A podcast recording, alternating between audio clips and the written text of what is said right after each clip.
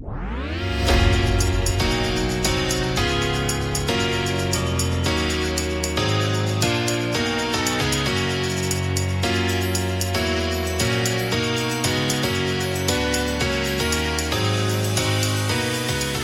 ska ni vara välkomna till eh, Bladets handbollspodd. Ännu ett avsnitt. Vi har kommit in i november. Vi ska bjuda på lite eh, gott och blandat eh, kan vi väl säga va Robin. Vi är ju i en, en vecka här nu då, ja äntligen en landslagsvecka. För första gången på här sidan sedan EM i januari egentligen. På, på riktigt. Det har varit någon sån här nästan låtsassamling hade de väl i början där när Solberg hade tagit över. Ja det är så, så länge sedan. Det känns ändå som att det har kommit lite trupper här och var inför samlingar men eh, det är första riktiga nu ja. Det är det faktiskt. Ja, ja. ja det är det. Eh, så eh, det blir ju en hel del landslag. Eh, men också, eh, ja, ja men lite av varje. Ehm, eh, vi står ju efter ett val, jag ska säga står inför ett val men eh, vi har avverkat ett val men vi vet inte riktigt hur det har gått. Ja, ehm, jag skulle säga 99% vet vi hur det har gått. Nu är det torsdag förmiddag. Jag på redaktionen så kalade jag i valet igår kväll så att, eh, eller igår eftermiddag så att det, det känns klart. Att Biden vinner? Att Biden vinner. Jag satt ju eh, och följde, försökte, du valde att gå och lägga dig. Jag satt ju då uppe och följde det här intressanta, eh, olika, de olika valvakorna. Eh, många svenska är ju rätt usla, man får CNN igång och kanske får man välja Filip Fredrik kanske då eh, som ett komplement till det. Men du eh, gick och la dig tidigt och med facit i hand så kanske man borde ha gjort det också. Det var ju inte mycket resultat man fick där på valnatten. Av någon större betydelse. Du ångrar inte dig? Nej, verkligen inte. Jag satt och filade på, apropå valet, så satt jag och filade redan då innan eh, valet var så tänkte jag, ja, eh, det kommer ju bli Biden då förmodligen. Han ledde ju alla opinionsundersökningar stort. Och då visste man ju att eh, Donald Trump kommer ju vara, han är ju ingen bra förlorare. Han, är, han kommer att tramsa till det på något sätt. Jag tänkte kan man eh, hitta, vad har vi för handbollsklubb, dåliga förlorare där? Eh, försökte leda, leda in oss på det spåret. Sen i takt med resultaten började trilla in där på valnatten så fick man tänka om lite. Jaha, Uh, nu kommer Biden förlora. Han kommer väl vara en ganska bra förlorare känns det som. Har vi, vad har vi för bra förlorare i handbollen? Uh, exempel på det? Ah, det, så nu vände det igen och nu har ju då Trump, han har inte förlorat än officiellt men han har ju ändå visat sig vara en rätt dålig förlorare redan nu. Uh, vill ju stoppa rösträkningen och uh, stämma, stämma i olika valdistrikt på olika sätt.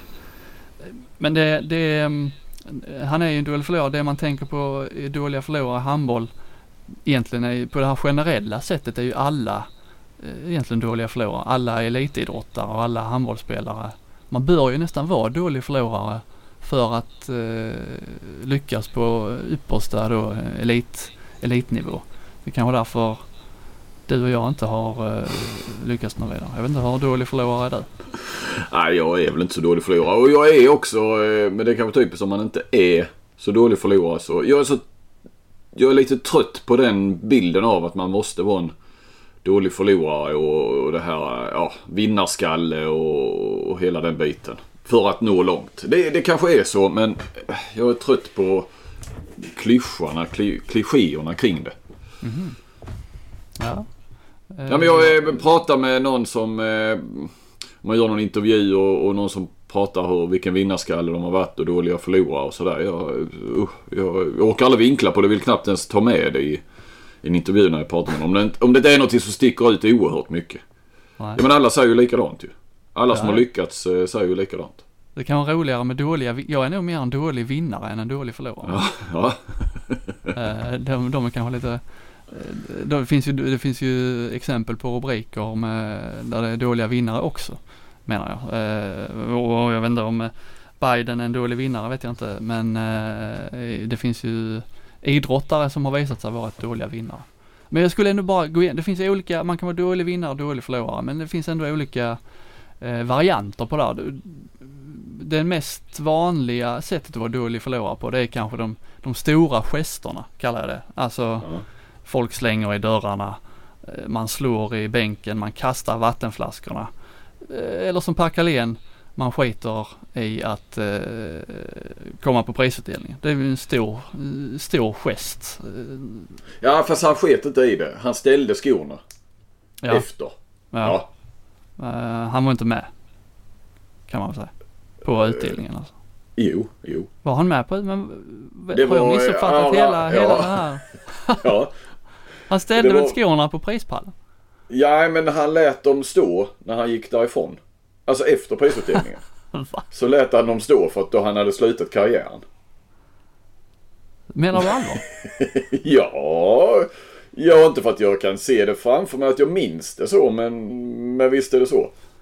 Alltså jag var ju tio år då när, när detta och sen dess och det har liksom levt med mig hela min ungdom och hela mitt vuxna liv och jag har inte funderat så mycket på det.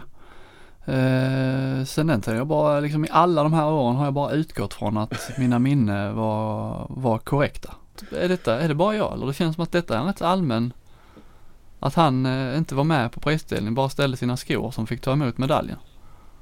Nej, nej det tror jag inte. Det hade blivit en större grej. Jag tänker bara Ara Abrahamian, eh, OS i Peking där ju. Ja det är lite Aha. liknande. Ja, men han jag. slängde väl sin medalj eller vad det var. Ja. Ja. Jaha. Eh, men på tal om det, i OS i London där Sverige gick till final. Vi, eh, vi gjorde ju någon grej där ju med, det kanske jag har nämnt någon gång, Kim Anderssons skor. Alltså det var ju så om han skulle sluta eller inte. Eh, jag vet inte, så vågade vi nog inte vänta till finalen för att skulle möta Frankrike så vi Ja, i och för sig var ju Carlén, de förlorade ju den. Ja, men, så vi arrangerade någonting. i- jag fick låna hans skor eh, och, och så fotografen och fick tag i någon prispall och kom in i någon arena och, och eh, ja, vi gjorde, eh, jag kommer inte ens ihåg riktigt vad, vad vi gjorde. Om vi publicerade något, jag tror det. Men det var i alla fall en grej där med, med Kim Anderssons eh, skor. Vi skulle försöka få till det. Sen slutade han ju inte.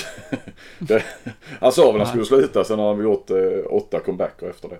Men men, det var ett eh, stickspår. Eh, jo, ja, nu, men nu blev jag bara sådär osäker eh, kring det med Carlén. Men det är jag ganska säker på. Han var med på prisutdelningen men han lät dem stå efteråt för att, inte i besvikelse eh, över, ja, han var säkert besviken över att förlora finalen. Utan det var för att han hade bestämt att han skulle sluta. Så han Ja. behövde inte skorna mer. Nej. Men eh, så var det kanske ett dåligt, exempel på den, katt, på den, Hela, den hela, varianten. he, he, hela mitt segment faller direkt. Nej men vi... vi eh, Ja men det var ett, det- de stora gesterna, det var mest det jag Mm. skulle liksom, Ja. det finns, det är, det är det är kanske det tydligaste sättet att vara dålig förlorare på. Mm. Eh, stor gest. Vi har ju, vi har ju också, eh, kanske där faller Trump i nu då, eh, man hävdar systemfel. Det kan ju då blandas med stora gester och, och tweets och, Mm. och eh, ilska men det är ju i grund och botten handlar om att man beskyller eh, någonting större eh, för förlusten. Eh, typ eh, de klassiska tränarna då, eh, Veselin Vujovic, Lino Sarvar. Känns som att varje gång de åker ut över ett mästerskap så är det eh, domarnas fel eller eh, fel i regelboken som Mm. gör att de eh, åker ut. Det har ju blivit några skandaler. Ibland har de haft rätt men eh, ibland har de också gjort bort sig. Mm. Eh, det, det är liksom, de ser ju det som att eh, en större makt vill dem illa. Och, och att det finns ett, eh, en konspiration mot dem kan man väl säga.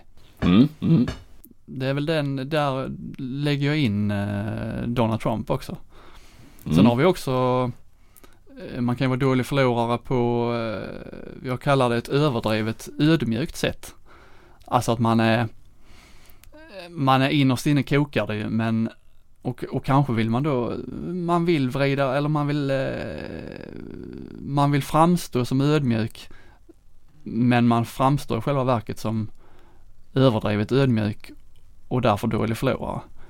Alltså ett, ett, på ett sätt som eh, den här spelade ödmjukheten, det känns inte, det, det känns inte genuint utan det är mer liksom eh, självursäktande på något sätt. Som att man letar eh, sympatier och, och det är liksom en ödmjukhet som vinnaren i, i de här fallen inte behöver höra och ingen annan heller. ofta kan jag se spår av den på, hos eh, trä, handbollsligatränare som på Twitter efter en förlust hyllar motståndarna ah, och, och, och liksom eh, försöker vara ödmjuk. Det är ingen som behöver det. De har förlorat matchen. Det är liksom ingen, eh, ingen, ingen följare och eh, inte det vinnande laget behöver ha motståndartränaren som, som delar med sig av sina eh, låtsashyllningar på Twitter. De har förlorat matchen. Fine, det är bra. Eh, säg tack, skaka hand efter matchen. That's it. Det är mm. nästan den mest irriterande formen av dåliga ja. förlorare. Ja. Jag tror du har varit lite inne på det här. Har, har vi inte det med slow, handbollsligans slogan va?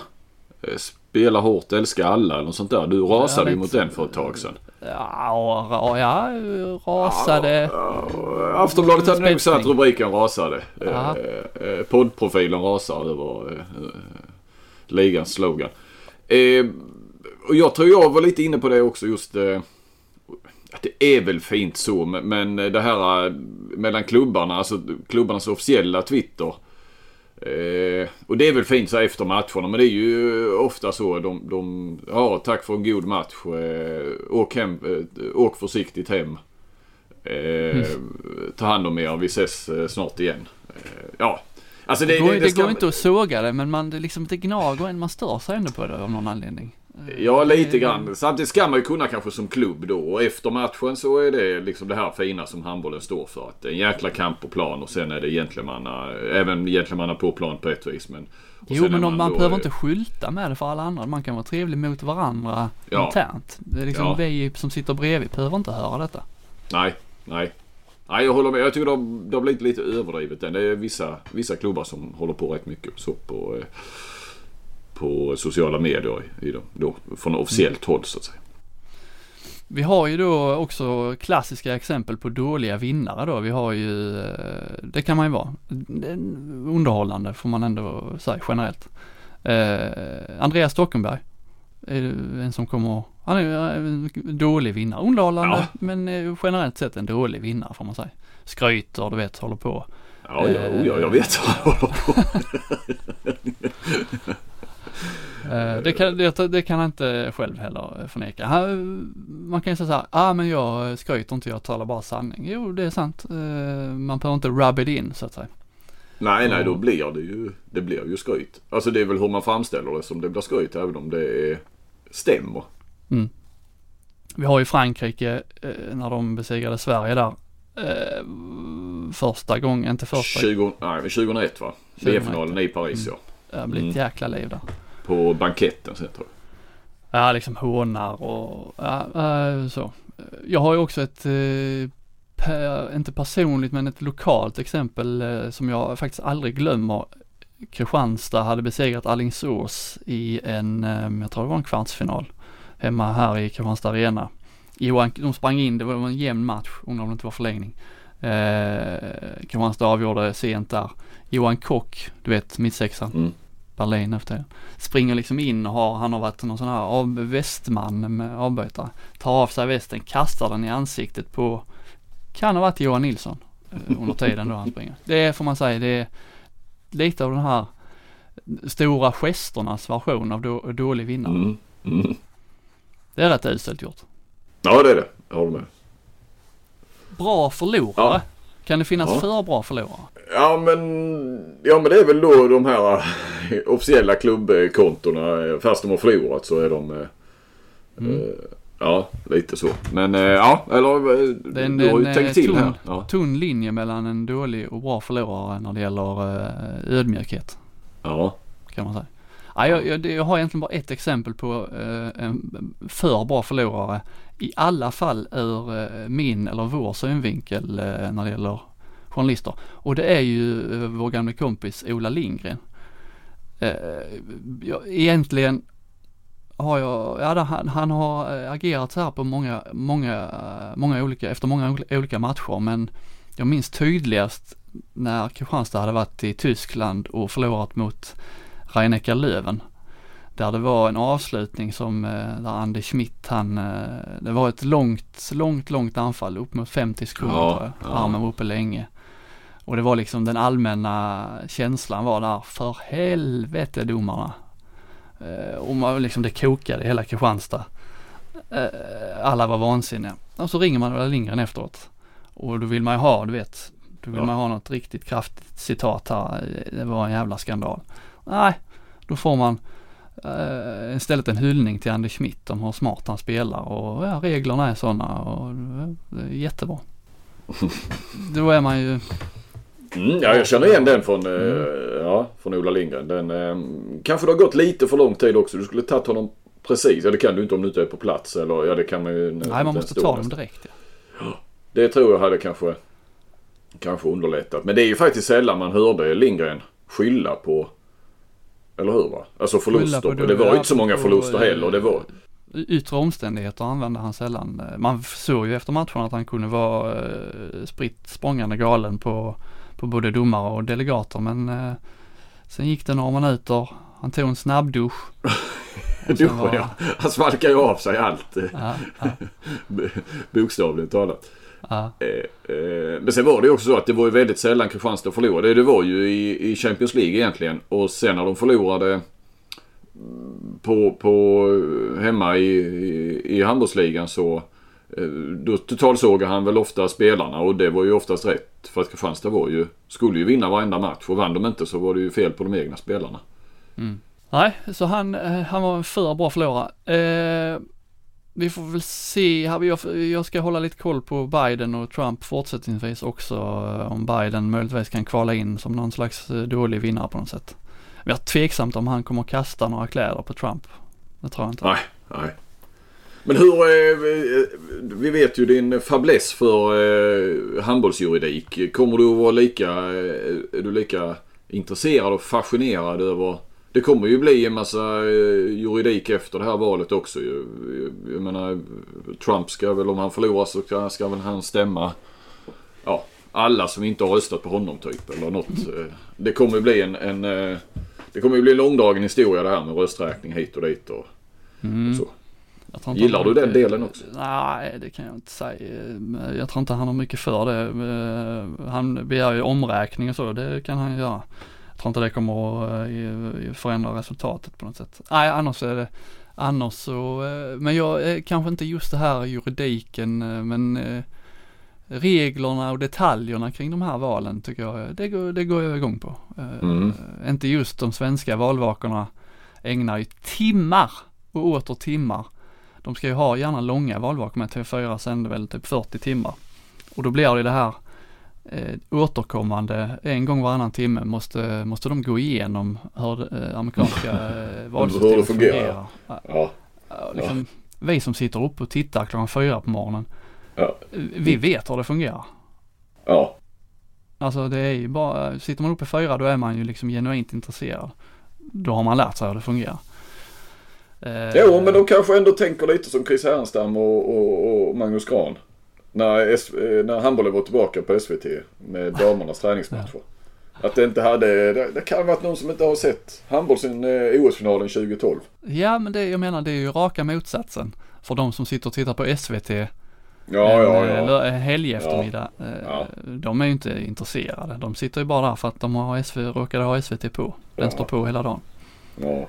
Eh, Så det är ju, det är ju en, det är en giltig jämförelse men det är ändå rakt motsatta. ja okej. Så, Den haltar något kanske, den ja, jämförelsen. ja det gör ja. det. det. gör det. Ja, ja. Precis som min, eh, min, eh, mitt Carlén-exempel. Om, du nu, om det nu är så att du har rätt, alltså det, det här var mindblowing. vi, vi, låter den, eh, vi låter den hänga i luften och så får vi väl eh, får vi säkert svaret på, på eh, Det kan Twitter inte bara vara jag som har uppfattat eller har det här. Ja, det ska bli intressant att se ja, hur många du har på din sida. Ah, ja. Det jag tänkte Ja. på, du nämnde stocken där ju. Eh, och, och valet här nu, då ska vi se här, då kommer han bli en Kommer han bli en dålig förlorare då ju. Han är väl den, han är nästan den ende jag vet i Sverige som håller på Trump. Ja, Det är, vet jag att det inte är, det finns ju andra men den enda som jag känner till. men gör han det då? Nej, han gör alltså han, Jag tror nej, bara att han eh, bara. vi stör sig på eh, eh, politiska korrektheten och alla som eh, håller på Biden. Jag tror Ja. inte han bryr sig ett, eh, ett skit om vem som vinner. Jag tror inte han håller på, på Trump. Nej, nej. Men eh, jag menar även alltså han, ja nej. Men han twittrar ju det han gör och då framstår han ju som en Trump-supporter. Då får han väl liksom stå för det. Även om jag håller med dig. Jag tror han gör det för att provocera så. Ja. Men han, han, han tar kanske ligger hemma i allting fosterställning nu då när det ser ut att gå Bidens väg. Ja, stocken i fosterställning det.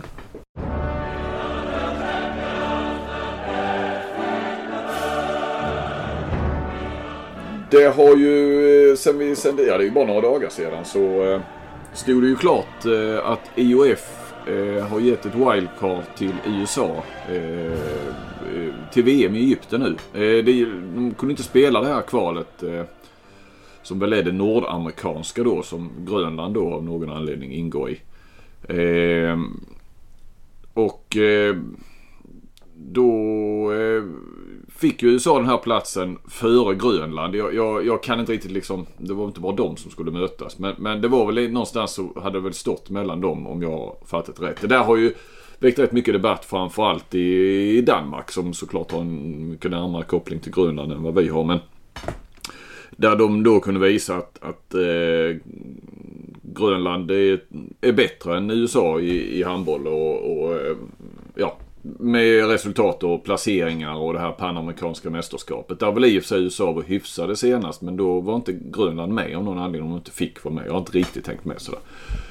Eh, och det har ju och alla menar ju då, och, och det ligger ju säkert en sanning i, i det, att eh, såklart USA är ju, är ju mer kommersiellt eh, intressant för eh, handbollsvärlden än vad, än vad Grönland är. Och, och vi vet ju att USA har ju, ska vi se, Los Angeles va, OS 2028 och då är det redan klart att USA kommer få wildcard till VM eh, de två världsmästerskapen innan där då, eh, 2027 och 2025.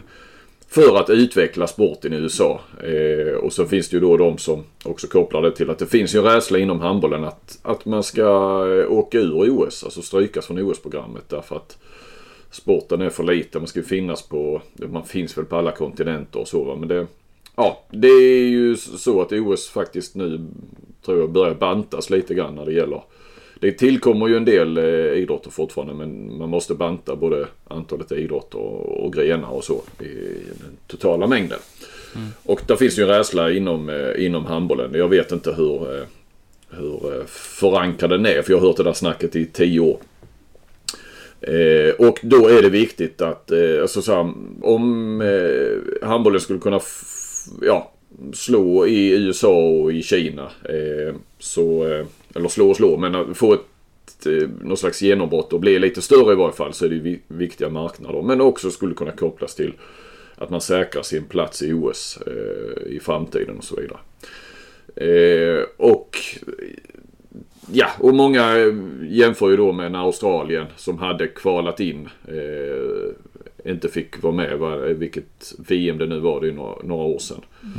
Eh, och eh, då fick ju Tyskland platsen istället. Eh, den var kanske ännu tydligare, för nu handlar ju det här om två, två blåbär får man ju säga, USA eller Grönland. Eh, men visst, det är ju, det, det kommer in i den här kritiken mot eh, IOF och de styrande där och, och eh, president eh, Mustafa. Men eh, så har det ju fått också det så här löjets skimmer därför att i precis när det blev klart att de fick den här platsen av IOF i, i veckan så twittrade väl, om det var det amerikanska förbundet ut att eh, Eh, ah, nu ska vi ha någon sorts eh, uttagning här, någon tryout eller audition och eh, eftersom det då är corona så kan man liksom inte samla en massa spelare utan de skulle skicka, tror jag, video på sig när de, när de ja, studsar och skjuter och skjuter och skjuter. Ja, kanske lite om det finns matchbilder också då. Ehm, och det där har ju då förlöjligats rätt mycket i, i, eh, i den gamla handbollsvärlden så att säga. I, i den vi lever i.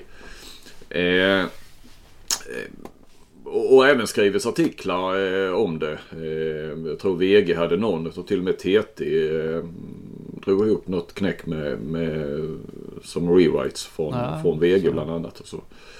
Eh, men podden, är ju, podden går, vill ju gärna gå till, den här podden alltså, vill ju gärna gå till botten med saker och ting så att eh, jag ringde Robert Hedin, förbundskapten i USA och, kollade lite grann. Eh, hur, hur eh, det egentligen ligger till. Och då berättade han att, eh, att den här eh, audition eller det va. Det är ju tydligen någonting som det amerikanska förbundet måste göra.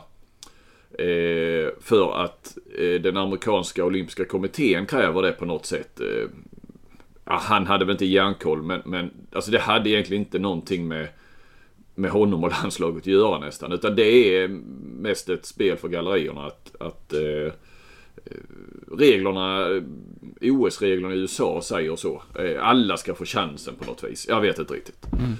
Så jag frågade honom då, men, men är det, så det har ingenting med dig att göra? Så, Nej, inte mer än att jag kommer få alla mejlen.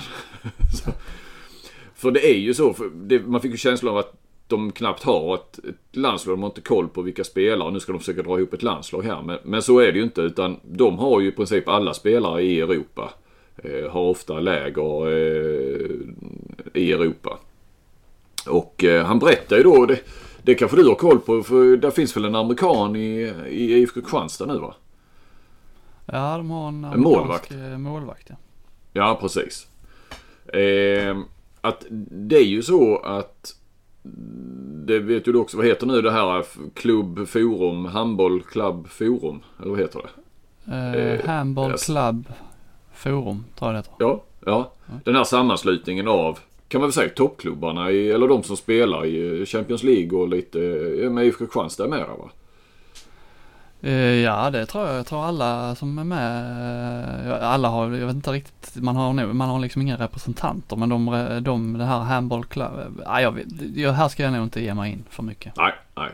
Men, men tydligen så, de, alltså USA får ju sätta spelare i de här toppklubbarna mer eller mindre. Och eh, det kostar inte klubbarna någonting och de är väl, de, majoriteten är väl mest med och tränar och det är unga talanger och sådär Men det finns ju och oftast är ju de här amerikanerna då har ju ett, ett Alltså det är ju europeer med, med som amerikanska föräldrar eller ena föräldern har ett amerikanskt pass och så vidare. Ja. Eh, så att, men där finns ju tydligen då någon i Admar Leon eh, som är med och spelar där. Eh, ja, på, på, jag tror han är en, eh, jag har faktiskt inte dubbelkollat, Hedin drog en massa olika namn. Det, det är någon mittsexa som verkligen har tagit plats där. Det är ju ändå ett, ett, ett bra lag i Spanien. De har några unga, jag två vänsterhänta polacker i Flensburg då. Eh, eh, och det är ju här vi också får in att Kina. Det var väl med ett kinesiskt lag i det här Sechua League eh, förra säsongen va? Och det är i princip det kinesiska landslaget sa Hedin. Mm. Eh, så att det finns ju en sån i handbollsvärlden, i handbollseuropa. En, en, en vilja då att, eh, att, att hjälpa eh, USA och Kina och därmed hjälpa hela handbollsvärlden. Och sen är det väl där någon deal med, alltså de får ju pengarna om det kommer från IOF eller det om det ingår i någon större affär på något vis. Jag, jag kan inte riktigt så. Men... Eh, de får ju, bi- jag vet Kristianstad, de klubbarna får ju, de får ju lite bidrag från det, jag antar att det är från EOF för att ja. eh, man hjälper. Alltså nu har de en amerikansk målvakt, då får de en liten slant för det liksom. Ja, ja, det ska inte kosta Kristianstad någonting i princip. Nej. Eh, för de har ju, ja, tagit emot honom som någon sorts utbytesstudent eller vad man ska säga. Mm, mm. Eh, Nej men det är lite intressant. Jag hade faktiskt inte koll på att, eh, att det funkar så eh, riktigt. Eh, så Hedin menar väl att...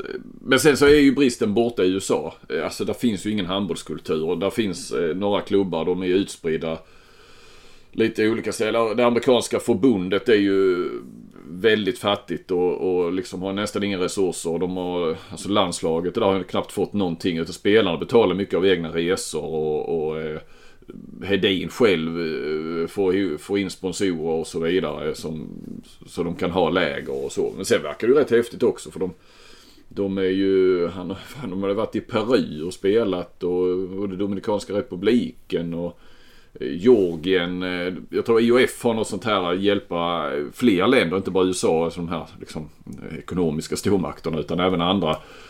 Alltså just att bredda eh, handbollsvärlden att de har några sådana här utvecklingsländer, landslag som de också hjälper oss. eh, ekonomiskt då så att de kan mötas. Och, eh, ja, jag hängde inte med i alltihopa och har inte gått in på det närmare. Men det var lite intressant. Eh, och jag vill ändå bara... Som sagt, det blir ju lite löjets skimmer över det när man trodde att de skulle försöka dra ihop ett landslag eh, med lite digital audition. Så eh, har de bättre koll på, på läget tror jag än, än vad man tror. Och eh, de är nog bättre också nu än, än eh, VM 2001 var de väl med senast och jag bara kollar en hastig blick. Jag tror de i gruppspelet så tror jag de landade på minus 100 i målskillnad eller någonting. Mm. Eh, men de har väl, han har ju varit där några år nu Hedin. Också så att, ja det, och han tror nog att om bara det amerikanska förbundet kan ge dem lite större, mer resurser och Eh, så att man kan tillvara på de här talangerna eh, och att de, de är beredda att, satsa och fortsätta i, i landslaget så att att det ändå kan bli hyfsat till, eh, till hemma-OS i, i Los Angeles där. Mm. Ja, det är kul att du försvarar den amerikanska handbollen. Ja men, ja men det är så lätt det blir lite i den så här, internationella ankdammen på, handbollsankdammen på Twitter. Så ja, det blir rätt ofta snabbt sanningar som man kanske inte riktigt, riktigt vet mm. bakgrunden till. Så, så det var den eh, lilla utvikningen och där, eh, vi har ju fönster mot handbolls-Europa men nu blir det fönster mot handbollsvärlden. Ja men ska vi kliva tillbaka till fönster mot handbolls-Europa då? Och eh, du, har, du ska ju vara med i en liten om, som jag fattade så ska du vara med i en omröstning eller vem som helst får rösta eller hur ligger det till med det här? Jag tror att eh, vem som helst får rösta. Eh, jag fick något mail från det är Handball Planet som sedan 2011 och sånt har ju kört den här omröstningen om varje år med utser världens bästa spelare och ett All-Star team och sådär. Jag fick ett mail från eh, ja, redaktören där eller de som brukar hålla i den här. Jag har ju varit med där några gånger och röstat. Eh, men jag tror också de ville att jag skulle eh, sprida ordet. Att fansen också. De ska göra nu en omröstning här. På decenniets All-Star team och decenniets bästa spelare. Alltså 10-talets då. Mm. Och eh, då ska eh, alltså läsare eller fans få vara med. Det ska vara gamla eh, spelare, det ska vara journalister och det ska vara experter och, och sådär. De eh, hoppas och tror att de kan göra liksom den ultimata omröstningen. Eh, men kandidaterna, eh, det är liksom inte... De är redan utsedda. Eh, tre på eh, varje position. Och då har de utgått från vilka som har haft flest nomineringar Eh, eftersom de har kört varje år under 10-talet. Så vilka som har haft flest nomineringar på, på respektive position. Okej, okay, okej. Okay men då tänkte vi väl att det kunde vara lite kul om vi eh, inte bara tar ut vårt, vårt eget lag för då blir det väl kanske mycket samma. Men att vi gör en liten sån här draft då, kallar det, där vi eh, tar mm. två åt gången och vi får inte välja samma spelare då. Vilka är, så får vi se vem som får det bästa, bästa laget. Så gör vi. Är du med på reglerna? Ja, ja. Men, eh, ja precis. En av oss börjar, nästa får ta två och sen är det två. Ja. Men den som börjar, börjar med en. Uh, vem börjar då? Börjar du? Jag kan göra. Eh, ska vi börja ut på vänstersex eller? Ska vi börja med målvakt? Ja, vi börjar med målvakt. Mm. Ja, jag tar eh, Arpad Sterbik. Det gör du ja. Ja men det är ju ändå... Eh, ja eller säger du vem du väljer då? Ja jag hade ju också tagit han men mitt eh, andra val var ju eh, Niklas Landin. Ja och det var väl mitt andra val också men och Landin gick ju rätt mycket ett tag att han kunde vika ner sig lite i de stora matcherna. Där när de förlorade några finaler. Danmark borde väl inte bara på honom men Eh, men han tog ju sig i slutet på decenniet får man ju lov att säga. Eh, så att de sista åren har han ju varit, eh, varit det bästa. Men, men eh, Sterbik har ju alltid varit de stora matchernas man. Mm. Eh, och Majer var väl också med i, i, i eh, varje fall med, det kan jag ju säga, kan, kandidaterna då i Handball Planets eh, eh, omröstning är ju just de här tre, Landin, Sterbik och Majer. Okay. Då, går vi, då tar jag två då, vänster sex och mitt sex då. Mm. Eh, vänstersex tyckte jag var lite så halvlurigt. Eh, jag tycker det är framförallt två, men jag ska inte säga någonting till dig. Eh, det är ju, jag har ju inga, nu har jag inte den här listan framför mig, men jag har ju inte några av de här som har vunnit så mycket mästerskap. Eh, men mitt val faktiskt går till eh, Gudjon Wahlöö Sigurdsson. Island. Mm. Mm. Ska du ta mittsex också? Mittsexan också, ja där är det ju äh, Agina Galde. Ja. Eh, ja, vänstersex för mig. Ja, jag tar eh, Gensheimer. Ja. Eh, eh, och sen får det nog bli Bjarte Myrhåll på mittsex. Jag tycker inte det är så många mittsexor att, att välja på egentligen. Om man ser över hela 10-talet.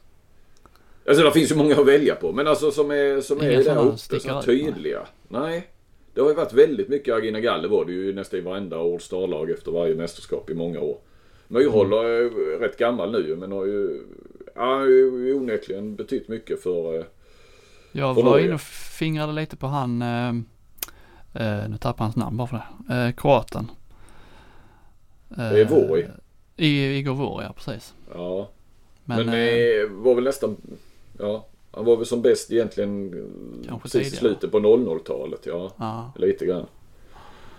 Eh, Men han var ju bra, bra, bra bakåt också. Eh, eh, de har ju, vi kan ju bara dra, vet ni ju kandidaterna. Eh, på vänstersex, eh, Hamburg Planet har Gensheimer, Sigurdsson och Dibirov. Ryssen i Varda. Eh, det är nog de tre jag, de, de tre jag skrev upp direkt själv också innan jag tittade, tittade där. Och på mittsex så har de ju eh, såklart Agnegalde. De har Myrhåll och de har Sohain Do, eh, fransmannen. Det är klart han har ju varit med och vunnit mycket men det känns ju inte som den stora stjärnan i, i det franska laget. nej där är, de har ju rätt många på gång nu också. De, Mm. Mittsexor har de gott om. Ja, ja vi har ju Fabregas också så här va. Men, men mm, han har ju de sista åren nu kommit. Men det har ju inte Frankrike alltid gjort så bra ifrån sig heller. Så. Men det är klart, är ju Barcelona spelar han ju va. Eh, sen ett par år så att. Ja. Då har du eh, högersex och vänsternio tar vi då va? Mm. Då tar jag eh, högersex Victor Thomas. Eller Thomas. Thomas. Thomas. Ja. Säger man S också? Ja det gör man va. Eh, ja men ska vi ta högersex? Vi avverkar den först. Ja, jag tar eh, de båda danskarna, det handlar bara om att välja Hans Lindberg eller Lasse Svan. Men jag har nog ändå fastnat för, det får bli Lasse Svan. Jag tycker han har varit bäst eh, länge. Ja. Så Lasse Svan. Mm. Både i Flensburg och landslaget. Alltid, alltid att räkna med. Eh, verkligen. Eh, de hade, Hamburg Planet hade Lasse Svan, Victor Thomas och Luc Abalou. Klart de hade Luc Abalou. Eller de hade, det är ju de som varit med i flest nomineringar helt enkelt. Eh, Vänsternio, Mikkel Hansen. Du tog den ja. Du då, eh, nu har jag också gått in på de nominerade där och jag ser att eh, jag väljer ju Karabatic. Han står ju som mittnej här men han eh, tycker jag är, är bättre som vänsternej. Mm. Men det kan man ju också ta om man inte fick ta Mikkel Hansen. Mm. Eller vad hade du gjort? Om du är på Ja, vänster? jag hade tagit, jag hade tagit mycket, men jag hade inte haft med, eh, konstigt nog hade jag inte haft med, det måste, måste man kanske ha, men jag hade inte haft med Karabatic. Eh, Nej, nej, i så fall. Nej. Nej. eh, Men då är det min tur på de två där återstående positionerna. Ja, vi har försvarare också du. Ja, okej, okej, okej. Mm, mm. Jag har ju som mittnej, jag har jag ju Andy Smith. För att det är en personlig favorit. Vill du säga ditt mittnej först eller? Ja, då har jag ju Karabatic. Men, men du får inte ta han, för han har jag valt som vänsternej. Ja, visst ja. eh, ja, då väljer jag ju där eh, mm, Sagosen eller Duvniak. Eh, ja, jag, jag tar jag tar Sagosen ändå. Ja. Och man glömmer, ja men man tänker man, ja, men det är de sista två åren så här. Men jag tror att han var med i All-Star Team redan EM 2016. När Norge säga Han spelar väl, han spelar väl i Danmark ända fram till, jag får mig kolla det igår, 2017 tror jag han eh, sommaren där eh, bytte, bytte lämnade Ålborg. Ja. Så det, där han, han fall, föll eh, i mitt lag på, jag hade honom kanske som tvåa egentligen på vänsternä först men ja, han föll på åren där. Men eh, visst, Mm. han är kanske tillräckligt bra nu för att ändå eh, ha, ha de åren till godo. Ja, vi har ju så som Palmarsson också där, vänster och mittnia. Har ju också varit med hela decenniet nästan. Ja. Eh, Men eh, ja, och Dubniak. Ja, svårt. Så är det ju alltid. Vänster och mittnia är ju alltid svårast. Tuffast konkurrens. Min högernia eh, finns ju Lazar, Lazarov. Ja, det hade man ju gärna tagit. Ja. Eh, Jag tar eh, Laszlo Notch där. Mm, just det. Det, Känns, är det bra, var länge sedan han slutade. Eller det känns längre sedan än vad det. Ja, jag tror att det känns längre än vad det är. Han gjorde inte någon comeback till och med. Jag Jo, det gjorde han. Det gjorde han. Ja. Eh, ja, mm, rätt så självklar på högerna i där va. Mm. Alltså vi har ju Kim Andersson men, men han var ju som bäst nästan kring decennieskiftet eller så ju. Ja, där... Eh, Eller i början på 10-talet, där 28 2012. till 2012 kanske. Ja, ja. Mm, då är det din tur. Vad har vi då kvar? Ska vi, har vi tränare med eller vi har eh, försvarare, försvarare bara? Ja, jag har inte tänkt till på tränare faktiskt. Så att, eh, Nej, vi tar, då är försvarare sista. ja.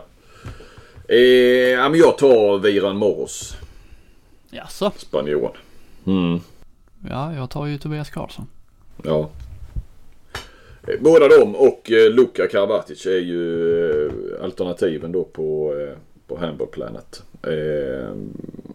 Så Tobbe Karlsson är den enda svensken som kan komma med i decenniets lag i, i den omröstningen. Eh, Ja. Han får Ja. lite dåligt samvete nu. Jag kanske skulle tagit Tobbe Karlsson. Ja, ja, ja. Nej, jag, Nej, men då vet vi var du står, eh, står i den frågan. ja, ja, ja, precis.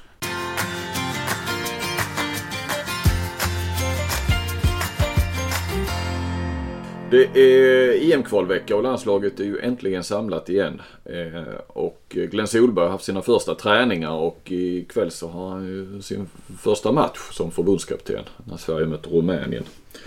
Eh, jag var ju på pressträff eh, uppe i Göteborg. Eh, åkte ja, fram och tillbaka som man gör om man ska till, från Helsingborg till Göteborg så får man göra det. Men för dagen så. Ja. skötte du avstånd och så? Ja, det gjorde jag.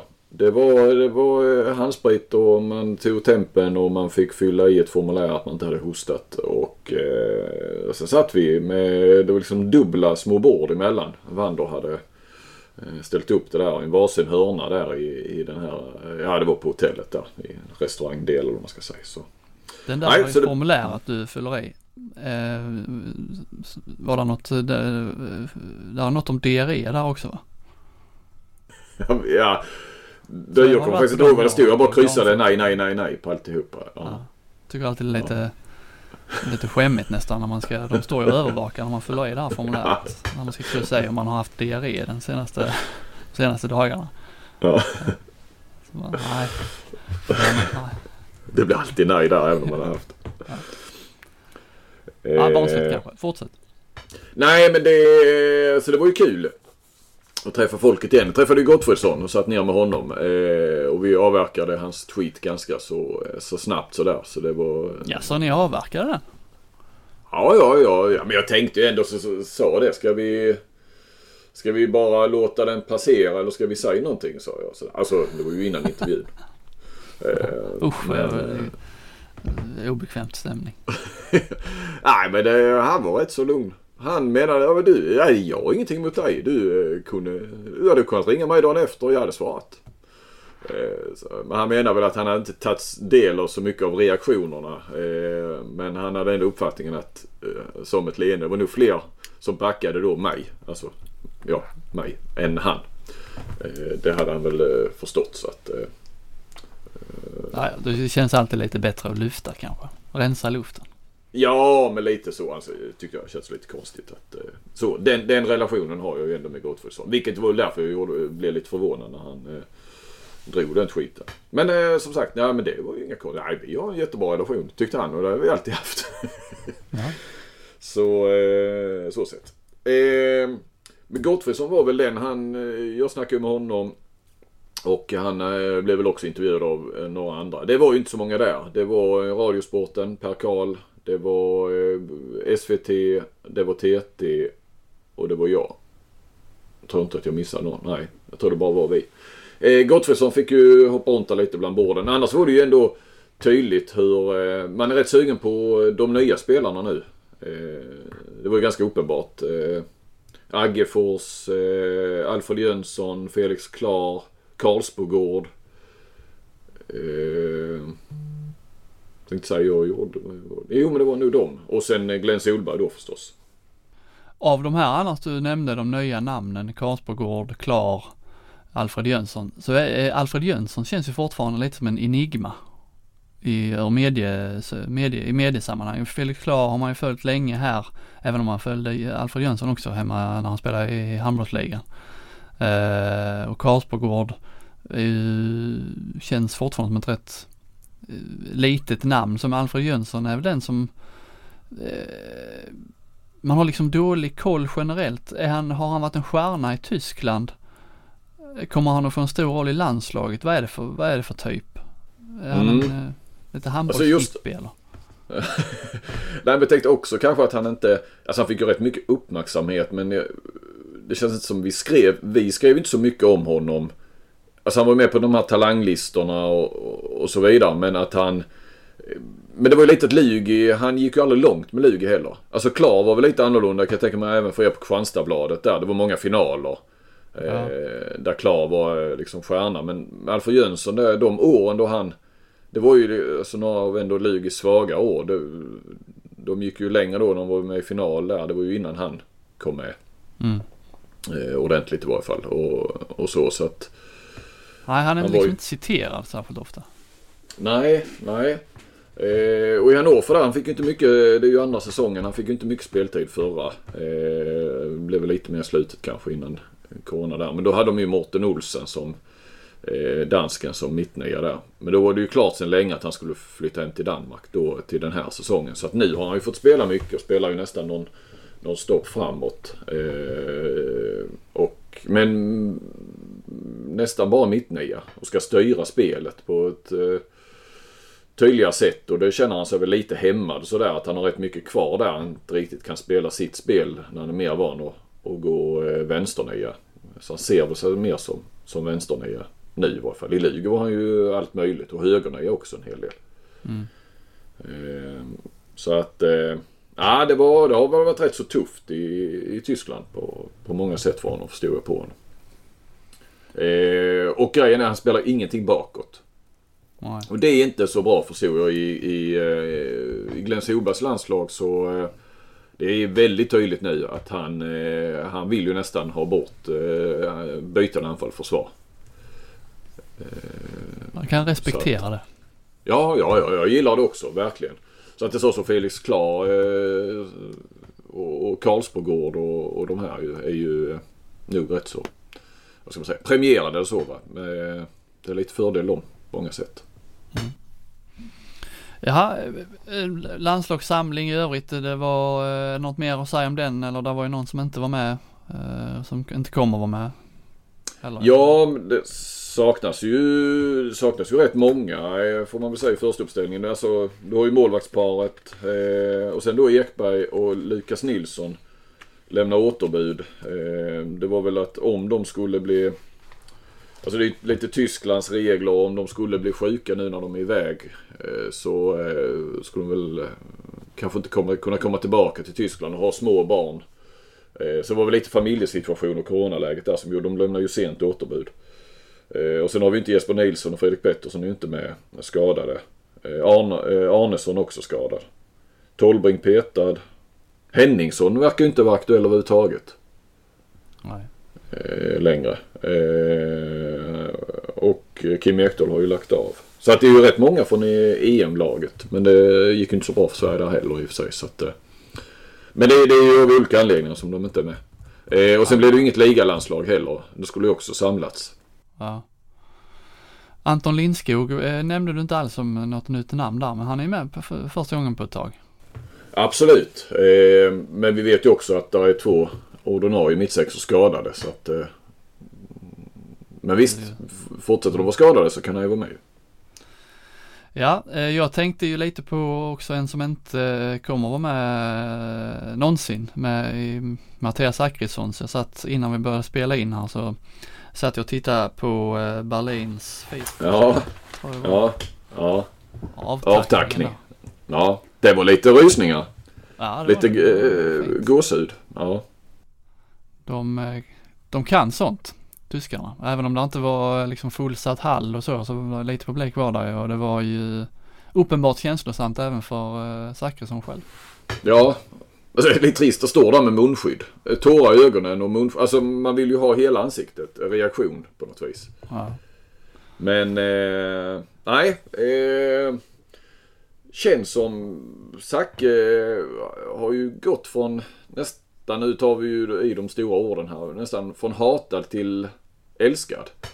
Eh, I Eskilstuna har jag alltid varit älskad. Det har ju varit eh, Zackas landslag och så vidare. Men jag kommer ihåg när jag körde min eh, superenkät. Minns du den?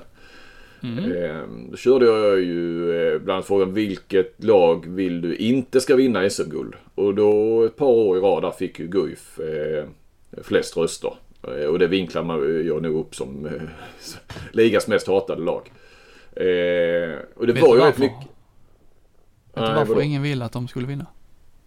Nej, eller jag. För att de Nej. är dåliga vinnare. Ja. men det kändes som det var rätt många som retade sig på Zacke och, och Tolin och... Ja men de hade lite den eh, auran där då ju.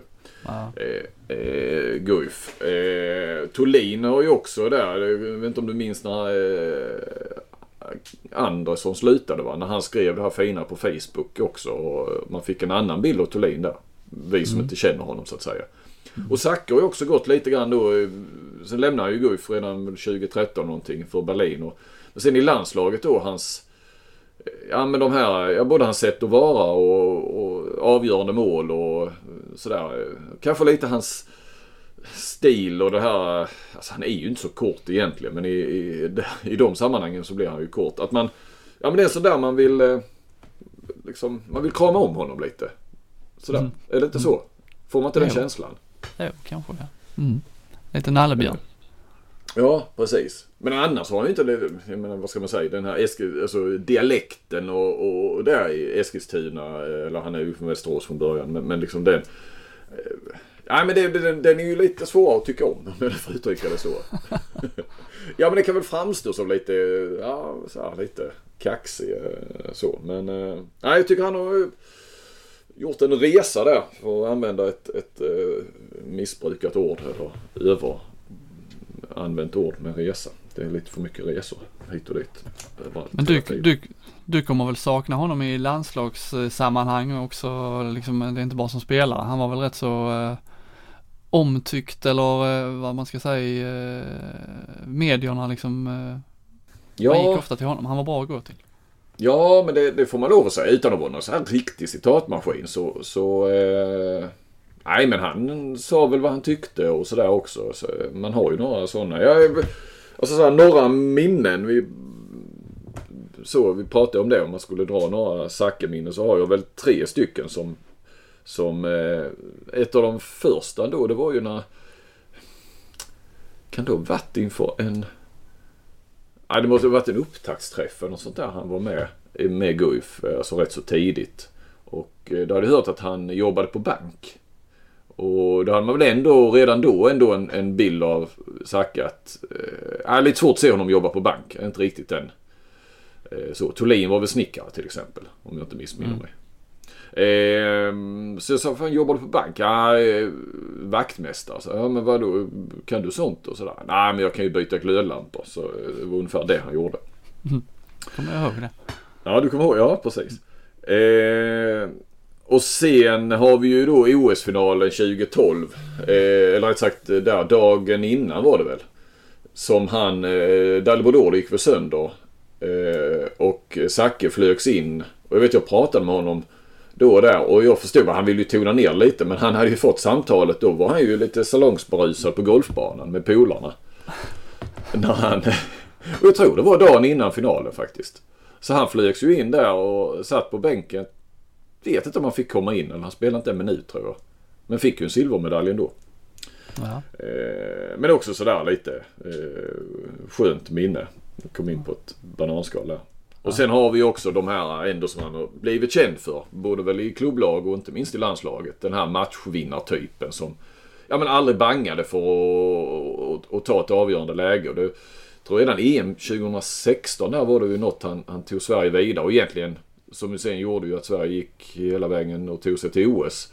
Eh, var det mot Danmark? Jag för mig han vann en, en om det kom någon, någon liksom förlupen boll i, i luften när det var kontring. Jag tror han vann alltså en, vad ska man säga, en luftduell med Mikkel Hansen. Om jag inte missminner mig.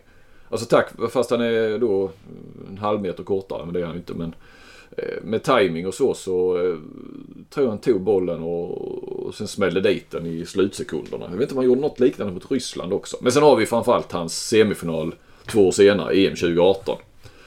Eh, den var... Eh, det var, han gjorde väl nio mål. Spelade högernian när eh, Lagergren och alla föll ifrån där.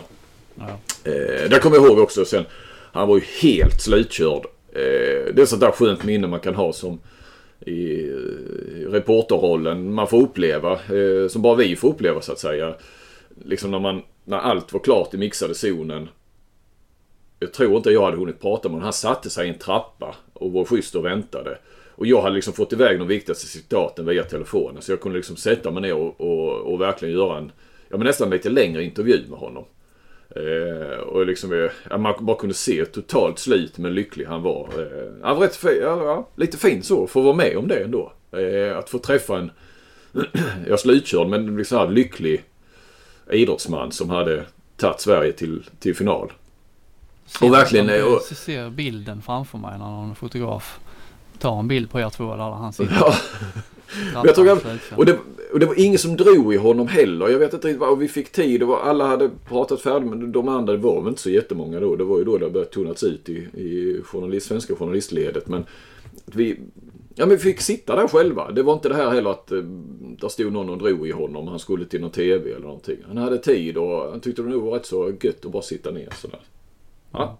Ja, han orkar nog inte ta sig därifrån och gå in i omklädningsrummet heller. Nej. Nej men eh, ja. Så att eh, det var, eh, ja men det var några, några Zacke-minnen. Va? Han kommer alltid Eh. bli ihågkommen för, för övrigt också i, i IK pojkar 07-lag. För vi har en, en, en liten kombination. Vi har inte så mycket kombinationer har man inte idag. Men vi har en. Och den är döpt efter Zacke faktiskt. Den heter Zacke vänster och Zacke höger. Ja. Och det känner han till faktiskt. Vilken ära. Ja. Ja, det, man kommer sakna honom. Eh, jag då som inte känner honom så väl. Eh, men som spelare har han ju varit eh, synnerligen nyttig och användbar de senaste, senaste åren. Ja, verkligen.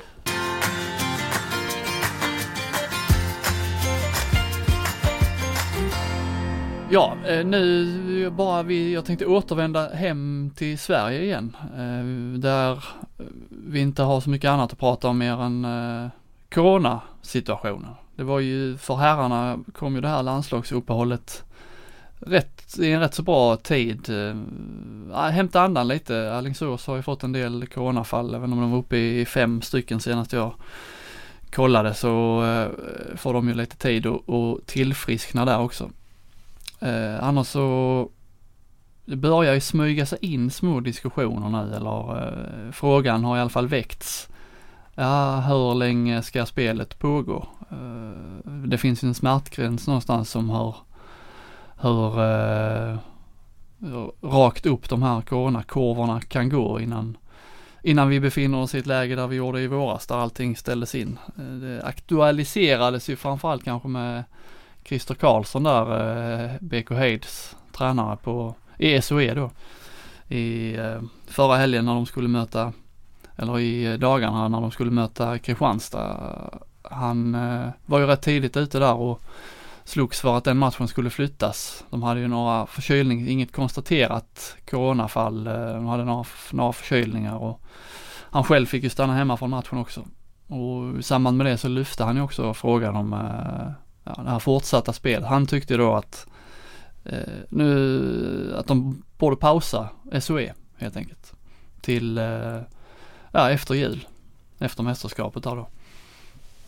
Eh, om, eh, bara för att tycka lite om det då. Man kan ju börja med den här matchen. Det är ju lite svårare tycker jag. Vad som ska gälla liksom. Eh, ska man ställa in matcher när det inte finns något fall men när det finns symptom? Eh, eller sköta upp matcher. Ja det är mm, lite svårt ju men någonstans så har jag landat i att eh, det hade blivit rätt krångligt för eh, förbund och seriemakare här om man skulle godkänna sköta upp matcher varje gång någon får förkylningssymptom här nu under hösten och våren. Någonstans är det ju ändå, det är ju den vardagen man alltid lever i och lagen alltid lever i. Det är liksom, har man, eh, är man sjuk ska man inte vara med på matcher oavsett om det finns eh, corona eller inte. Och, och någonstans får man väl sätta en, en, eh, man måste liksom ha någonting att gå på. Då måste det kan finnas ett, då måste man ha ett positivt fall för att det ska, för att det ska duga som ursäkt. Men då har du, vad säger du om det? Det är ju, det är ju en svår, svår situation det. Ja, men ja, du tror inte att, att Sekos eh, utspel också handlar lite om, eh, eh, alltså att det handlar om ekonomi för klubbarna och så också? Att de har inga intäkter men det är stora kostnader eh, med matcherna och resorna och så. Att, att det riskerar klubbarna. Ja, kanske, kanske. Jag vet inte, de... Ja, resorna skulle de i så fall spara in, men det måste de ju ta igen när de väl drar igång. Så det, kostnaderna kommer ju ändå. Jag bara, jag, jag, Ja, ja, jo det är klart att bara, mm, bara skjuta upp dem ja. Nej, de kommer ju ändå ju. Ja, och jag menar ju att skulle man pausa nu, vad det, vad det skulle kosta inte bara pengamässigt så, de är lite intäkter har man ju ändå när man spelar matcher med, de har ändå några åskådare. Eh, men intressemässigt vad det skulle innebära för, för eh, både handbollen och idrotten och liksom pausa allting nu. Och jag menar att ska du ställa in eller skjuta på SOE av smittoskäl, ja då måste du ju då måste du ju pausa även handbollsligan. Du kan inte bara mm. pausa mm. en liga om man, om man ska hänvisa till, till den anledningen. Han menar ju att SOE spelar inte så många matcher så att det skulle gå att trycka in dem under våren. Och det har han ju rätt i. Men eh, jag tycker inte att spelschemat man kan inte ha det som ett skäl att sköta upp serien utan ska, ska man sköta upp serien då får man säga att det är för att smittspridningen är för hög och då måste man ju också ställa in handbollsligan. Mm. Och att handbollen som då enda idrott, eller i alla fall första idrott, ställa in elitidrotten det skulle i och för sig inte förvåna mig om de blir och gör det. Någonstans så finns det en smärtgräns men alla har ju, nu har de ju dragit igång säsongen, alla vet ju förutsättningarna. Eh, alla måste ju ha fattat att det kommer ju att dyka upp, liksom, idrotten är inte skyddad från, från eh, vanliga samhället. Det är liksom klart att klubbarna kommer få, få fall. Sen om, så länge man då, så länge man liksom inte, här tycker jag man ska, eh, man ska lyssna på myndigheterna som man har sagt från början. Och så länge inte de säger att, och de har ju sagt tydligt att idrott, själva matcherna eh, bidrar inte till någon smittspridning. Det är liksom inom lagen själva i så fall eh, omklädningsrum och, eh, och den biten där man inte håller avstånd. ute på planen och så så säger de i alla fall att det, det liksom bidrar inte till någon smittspridning. Och så länge man inte ser några motsatta bevis eller några bevis för att, han, för att det skulle vara fel så tycker jag att man ska man ska köra. Man får, vi får lära oss. Idrotten får lära sig och idrotten är ju en, i en annan situation nu än i våras där man ställde in, allting ställdes in i någon slags ren panik där. Då visste man mm. inte vad det var, man visste liksom inte vad det var för typ av virus och det smittade. Men nu vet man ju ändå nu vet man ändå mer om man har valt att dra igång. All idrott, liksom elitidrott är ju igång. Mm. Man alla vet, har vetat förutsättningar från början. Eh, så att, och man ser ju i länder där det, smittspridningen är betydligt mycket värre än i Sverige, Frankrike. De rullar ju ändå på med, med elitidrotten, både handboll och fotboll. Och, mm. Och det tror jag de kommer att göra också om det inte eh, liksom något ännu mer drastiskt händer.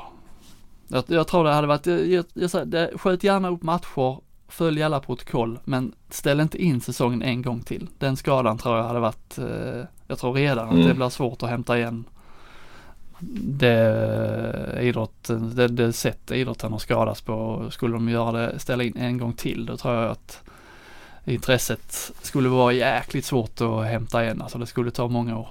Mm.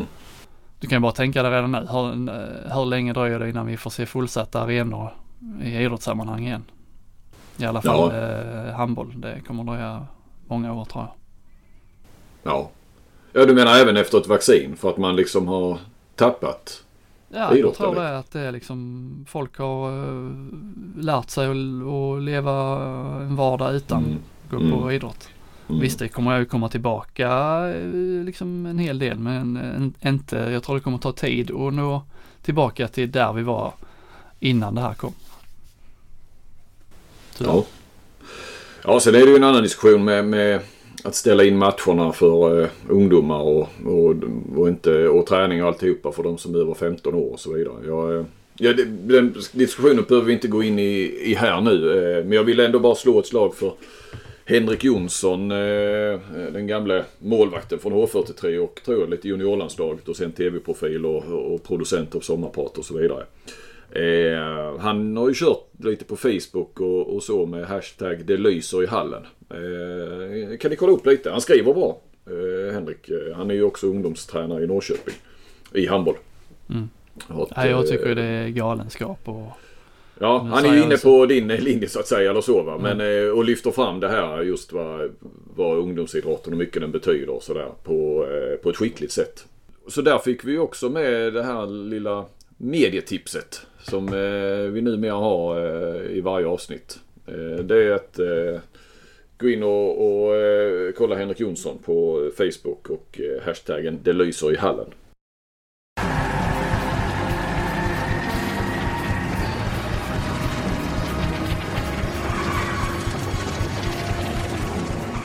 Ja, det är mm, mitt avsnitt det här och ha en, eh, en topp 5-lista och jag tänkte köra de fem roligaste mästerskapen eh, jag har varit på i handboll. Mm. Så vi drar väl dem rakt av. Eh, jag kan säga två som jag har precis utanför. Det här blir ju rätt så, det kan bli lite personligt och så. Men sen kommer ni ju nog att fatta liksom vilka som är de roligaste. Det, det finns en, en lite röd tråd där. Men Två stycken är ju här-VM 2003 som var mitt första eh, handbollsmästerskap. Jag var faktiskt på EM 2002 där månaden innan. Men, men det var... Eh, man åkte... Eh, ja, vi åkte bara över i, Det var ju Danmark. Eh, jag tror vi var på Själland lite söder om Helsingör. Jag kommer inte ihåg riktigt var vi var. Men, men det gick väldigt snabbt. Sverige... Jag tror vi åkte hem efter de tre första gruppspelsmatcherna. Det kändes knappt som, som man var på ett mästerskap. Eh, så här VM 2003 där var ju en, eh, och det var ju med, med Bengan Boys och så. Så det var ju mer, det gick åt helvete men, men eh, vi var tre utsända från eh, Aftonbladet. Det var jag Stefan Ahlfeldt och fotografen Ulf Höjer och ja men alla tidningar var ju där och även lokaltidningarna och så. Det, ja det, den, den eh, minns man för det var första gången så att säga. Nej men om vi sen kör då listan. På femte plats har jag eh, dam-VM 2017. När Sverige gick till semifinal. Eh, det var ju Tyskland. Eh, fantastiskt drag eh, i Hamburg där på, på eh, Eh, i, i, vad ska man säga, finalhelgen. Eh, när Sverige går långt då är man också med, eh, eller jag som utsänd från Sportbladet är med hela vägen. Så att eh, om Sverige, även om inte Sverige spelar final så spelar de en bronsmatch och då är man med på finalen också. Och det, det, nej, det var en, eh, det var en höjdare men inte den allra bästa. Här VM 2011 eh, på hemmaplan var ju såklart speciellt. Eh, gick bra för Sverige. Eh, gick till semifinal, bronsmatch. Kommer ihåg att det var liksom där det nästan tog fart. Jag kommer ihåg att jag jobbade jäkligt mycket. Eh, hade ju bloggen där också och eh, ja, men det blev mer det här som det blev sen på något vis. Eh, liksom nästan så här dygnet runt. Eh, eller i varje fall alla vakna timmar så, så var det eh, så var det jobb. Ja, bloggen, det kommer jag ihåg. Det var tider. Vi har ett eh, vi har OS 2012 såklart. Det är ju, är ju inte bara handboll ett, ett OS. Men för mig blev det ju bara handboll. Eh, både damerna och herrarna var ju med. Eh, det var väl första gången både damerna och herrarna var med. Eh, så det var handboll. Ja det var, jag gjorde i princip bara handboll. Jag var ute på någon eh, roddförsök eller någonting sånt där. Men, men eh, och Sverige, herrarna gick ju, det gick sådär för damerna, men herrarna gick ju till final. Eh, alltså kvartsfinalen mot eh, Danmark. Eh, ja det var ju sådär fantastiskt. Jag kommer ihåg också, det blev sån jäkla hype i slutet på ett OS och Sverige hade väl inte så, ja, så många medaljchanser kvar. Och jag kommer ihåg, jag tror vi gjorde papperstidningen fortfarande var stor. Jag tror vi gjorde 10 sidor inför finalen. Det var ändå ett OS där det händer andra grejer också. Jag tror vi gjorde 10 sidor handboll. Det var, de bara ville ha hur mycket som helst. Mm. Eh, Sverige gjorde en bra final, ska man inte glömma, mot Frankrike när Frankrike var nästan som bäst. Förlorade väl bara med ett par bollar, även om man hela tiden kände att Frankrike nu skulle ta det. Så Sverige var rätt så nära. Eh, tvåa på listan, Eh, ett mästerskap som har nämnts tidigare. Det är ju herr-EM 2018 och ni, ni, känner ju temat. När det går bra för Sverige så är det mycket roligare att jobba också såklart. Eh, kan ju sticka mellan med att det tråkigaste mästerskapet jag har varit på tror jag. Det var några där i Serbien. Eh, kring 2012, något dam och något här. Men, men herr-EM 2010 när Sverige åkte ut, eh, det gick ju Österrike. Sverige var, eh, åkte ur redan i gruppspelet för första gången. Det var det sämsta mästerskapet sedan någon gång på 70-talet tror jag. Den, eh, den var inte kul. Då, eh, det var väldigt tjurigt. Eh, Kim Andersson var förbannad på mig och ah, det var överlag var det, inte, var det inget roligt. Desto roligare med ett annat EM då 2018 i, i Kroatien. Eh, när vi slog Danmark i, i, i semin där också. Fantastiskt. Mm. Zacke bland annat då. Eh, och, eh, men i topp också då Sverige, dam-EM 2010.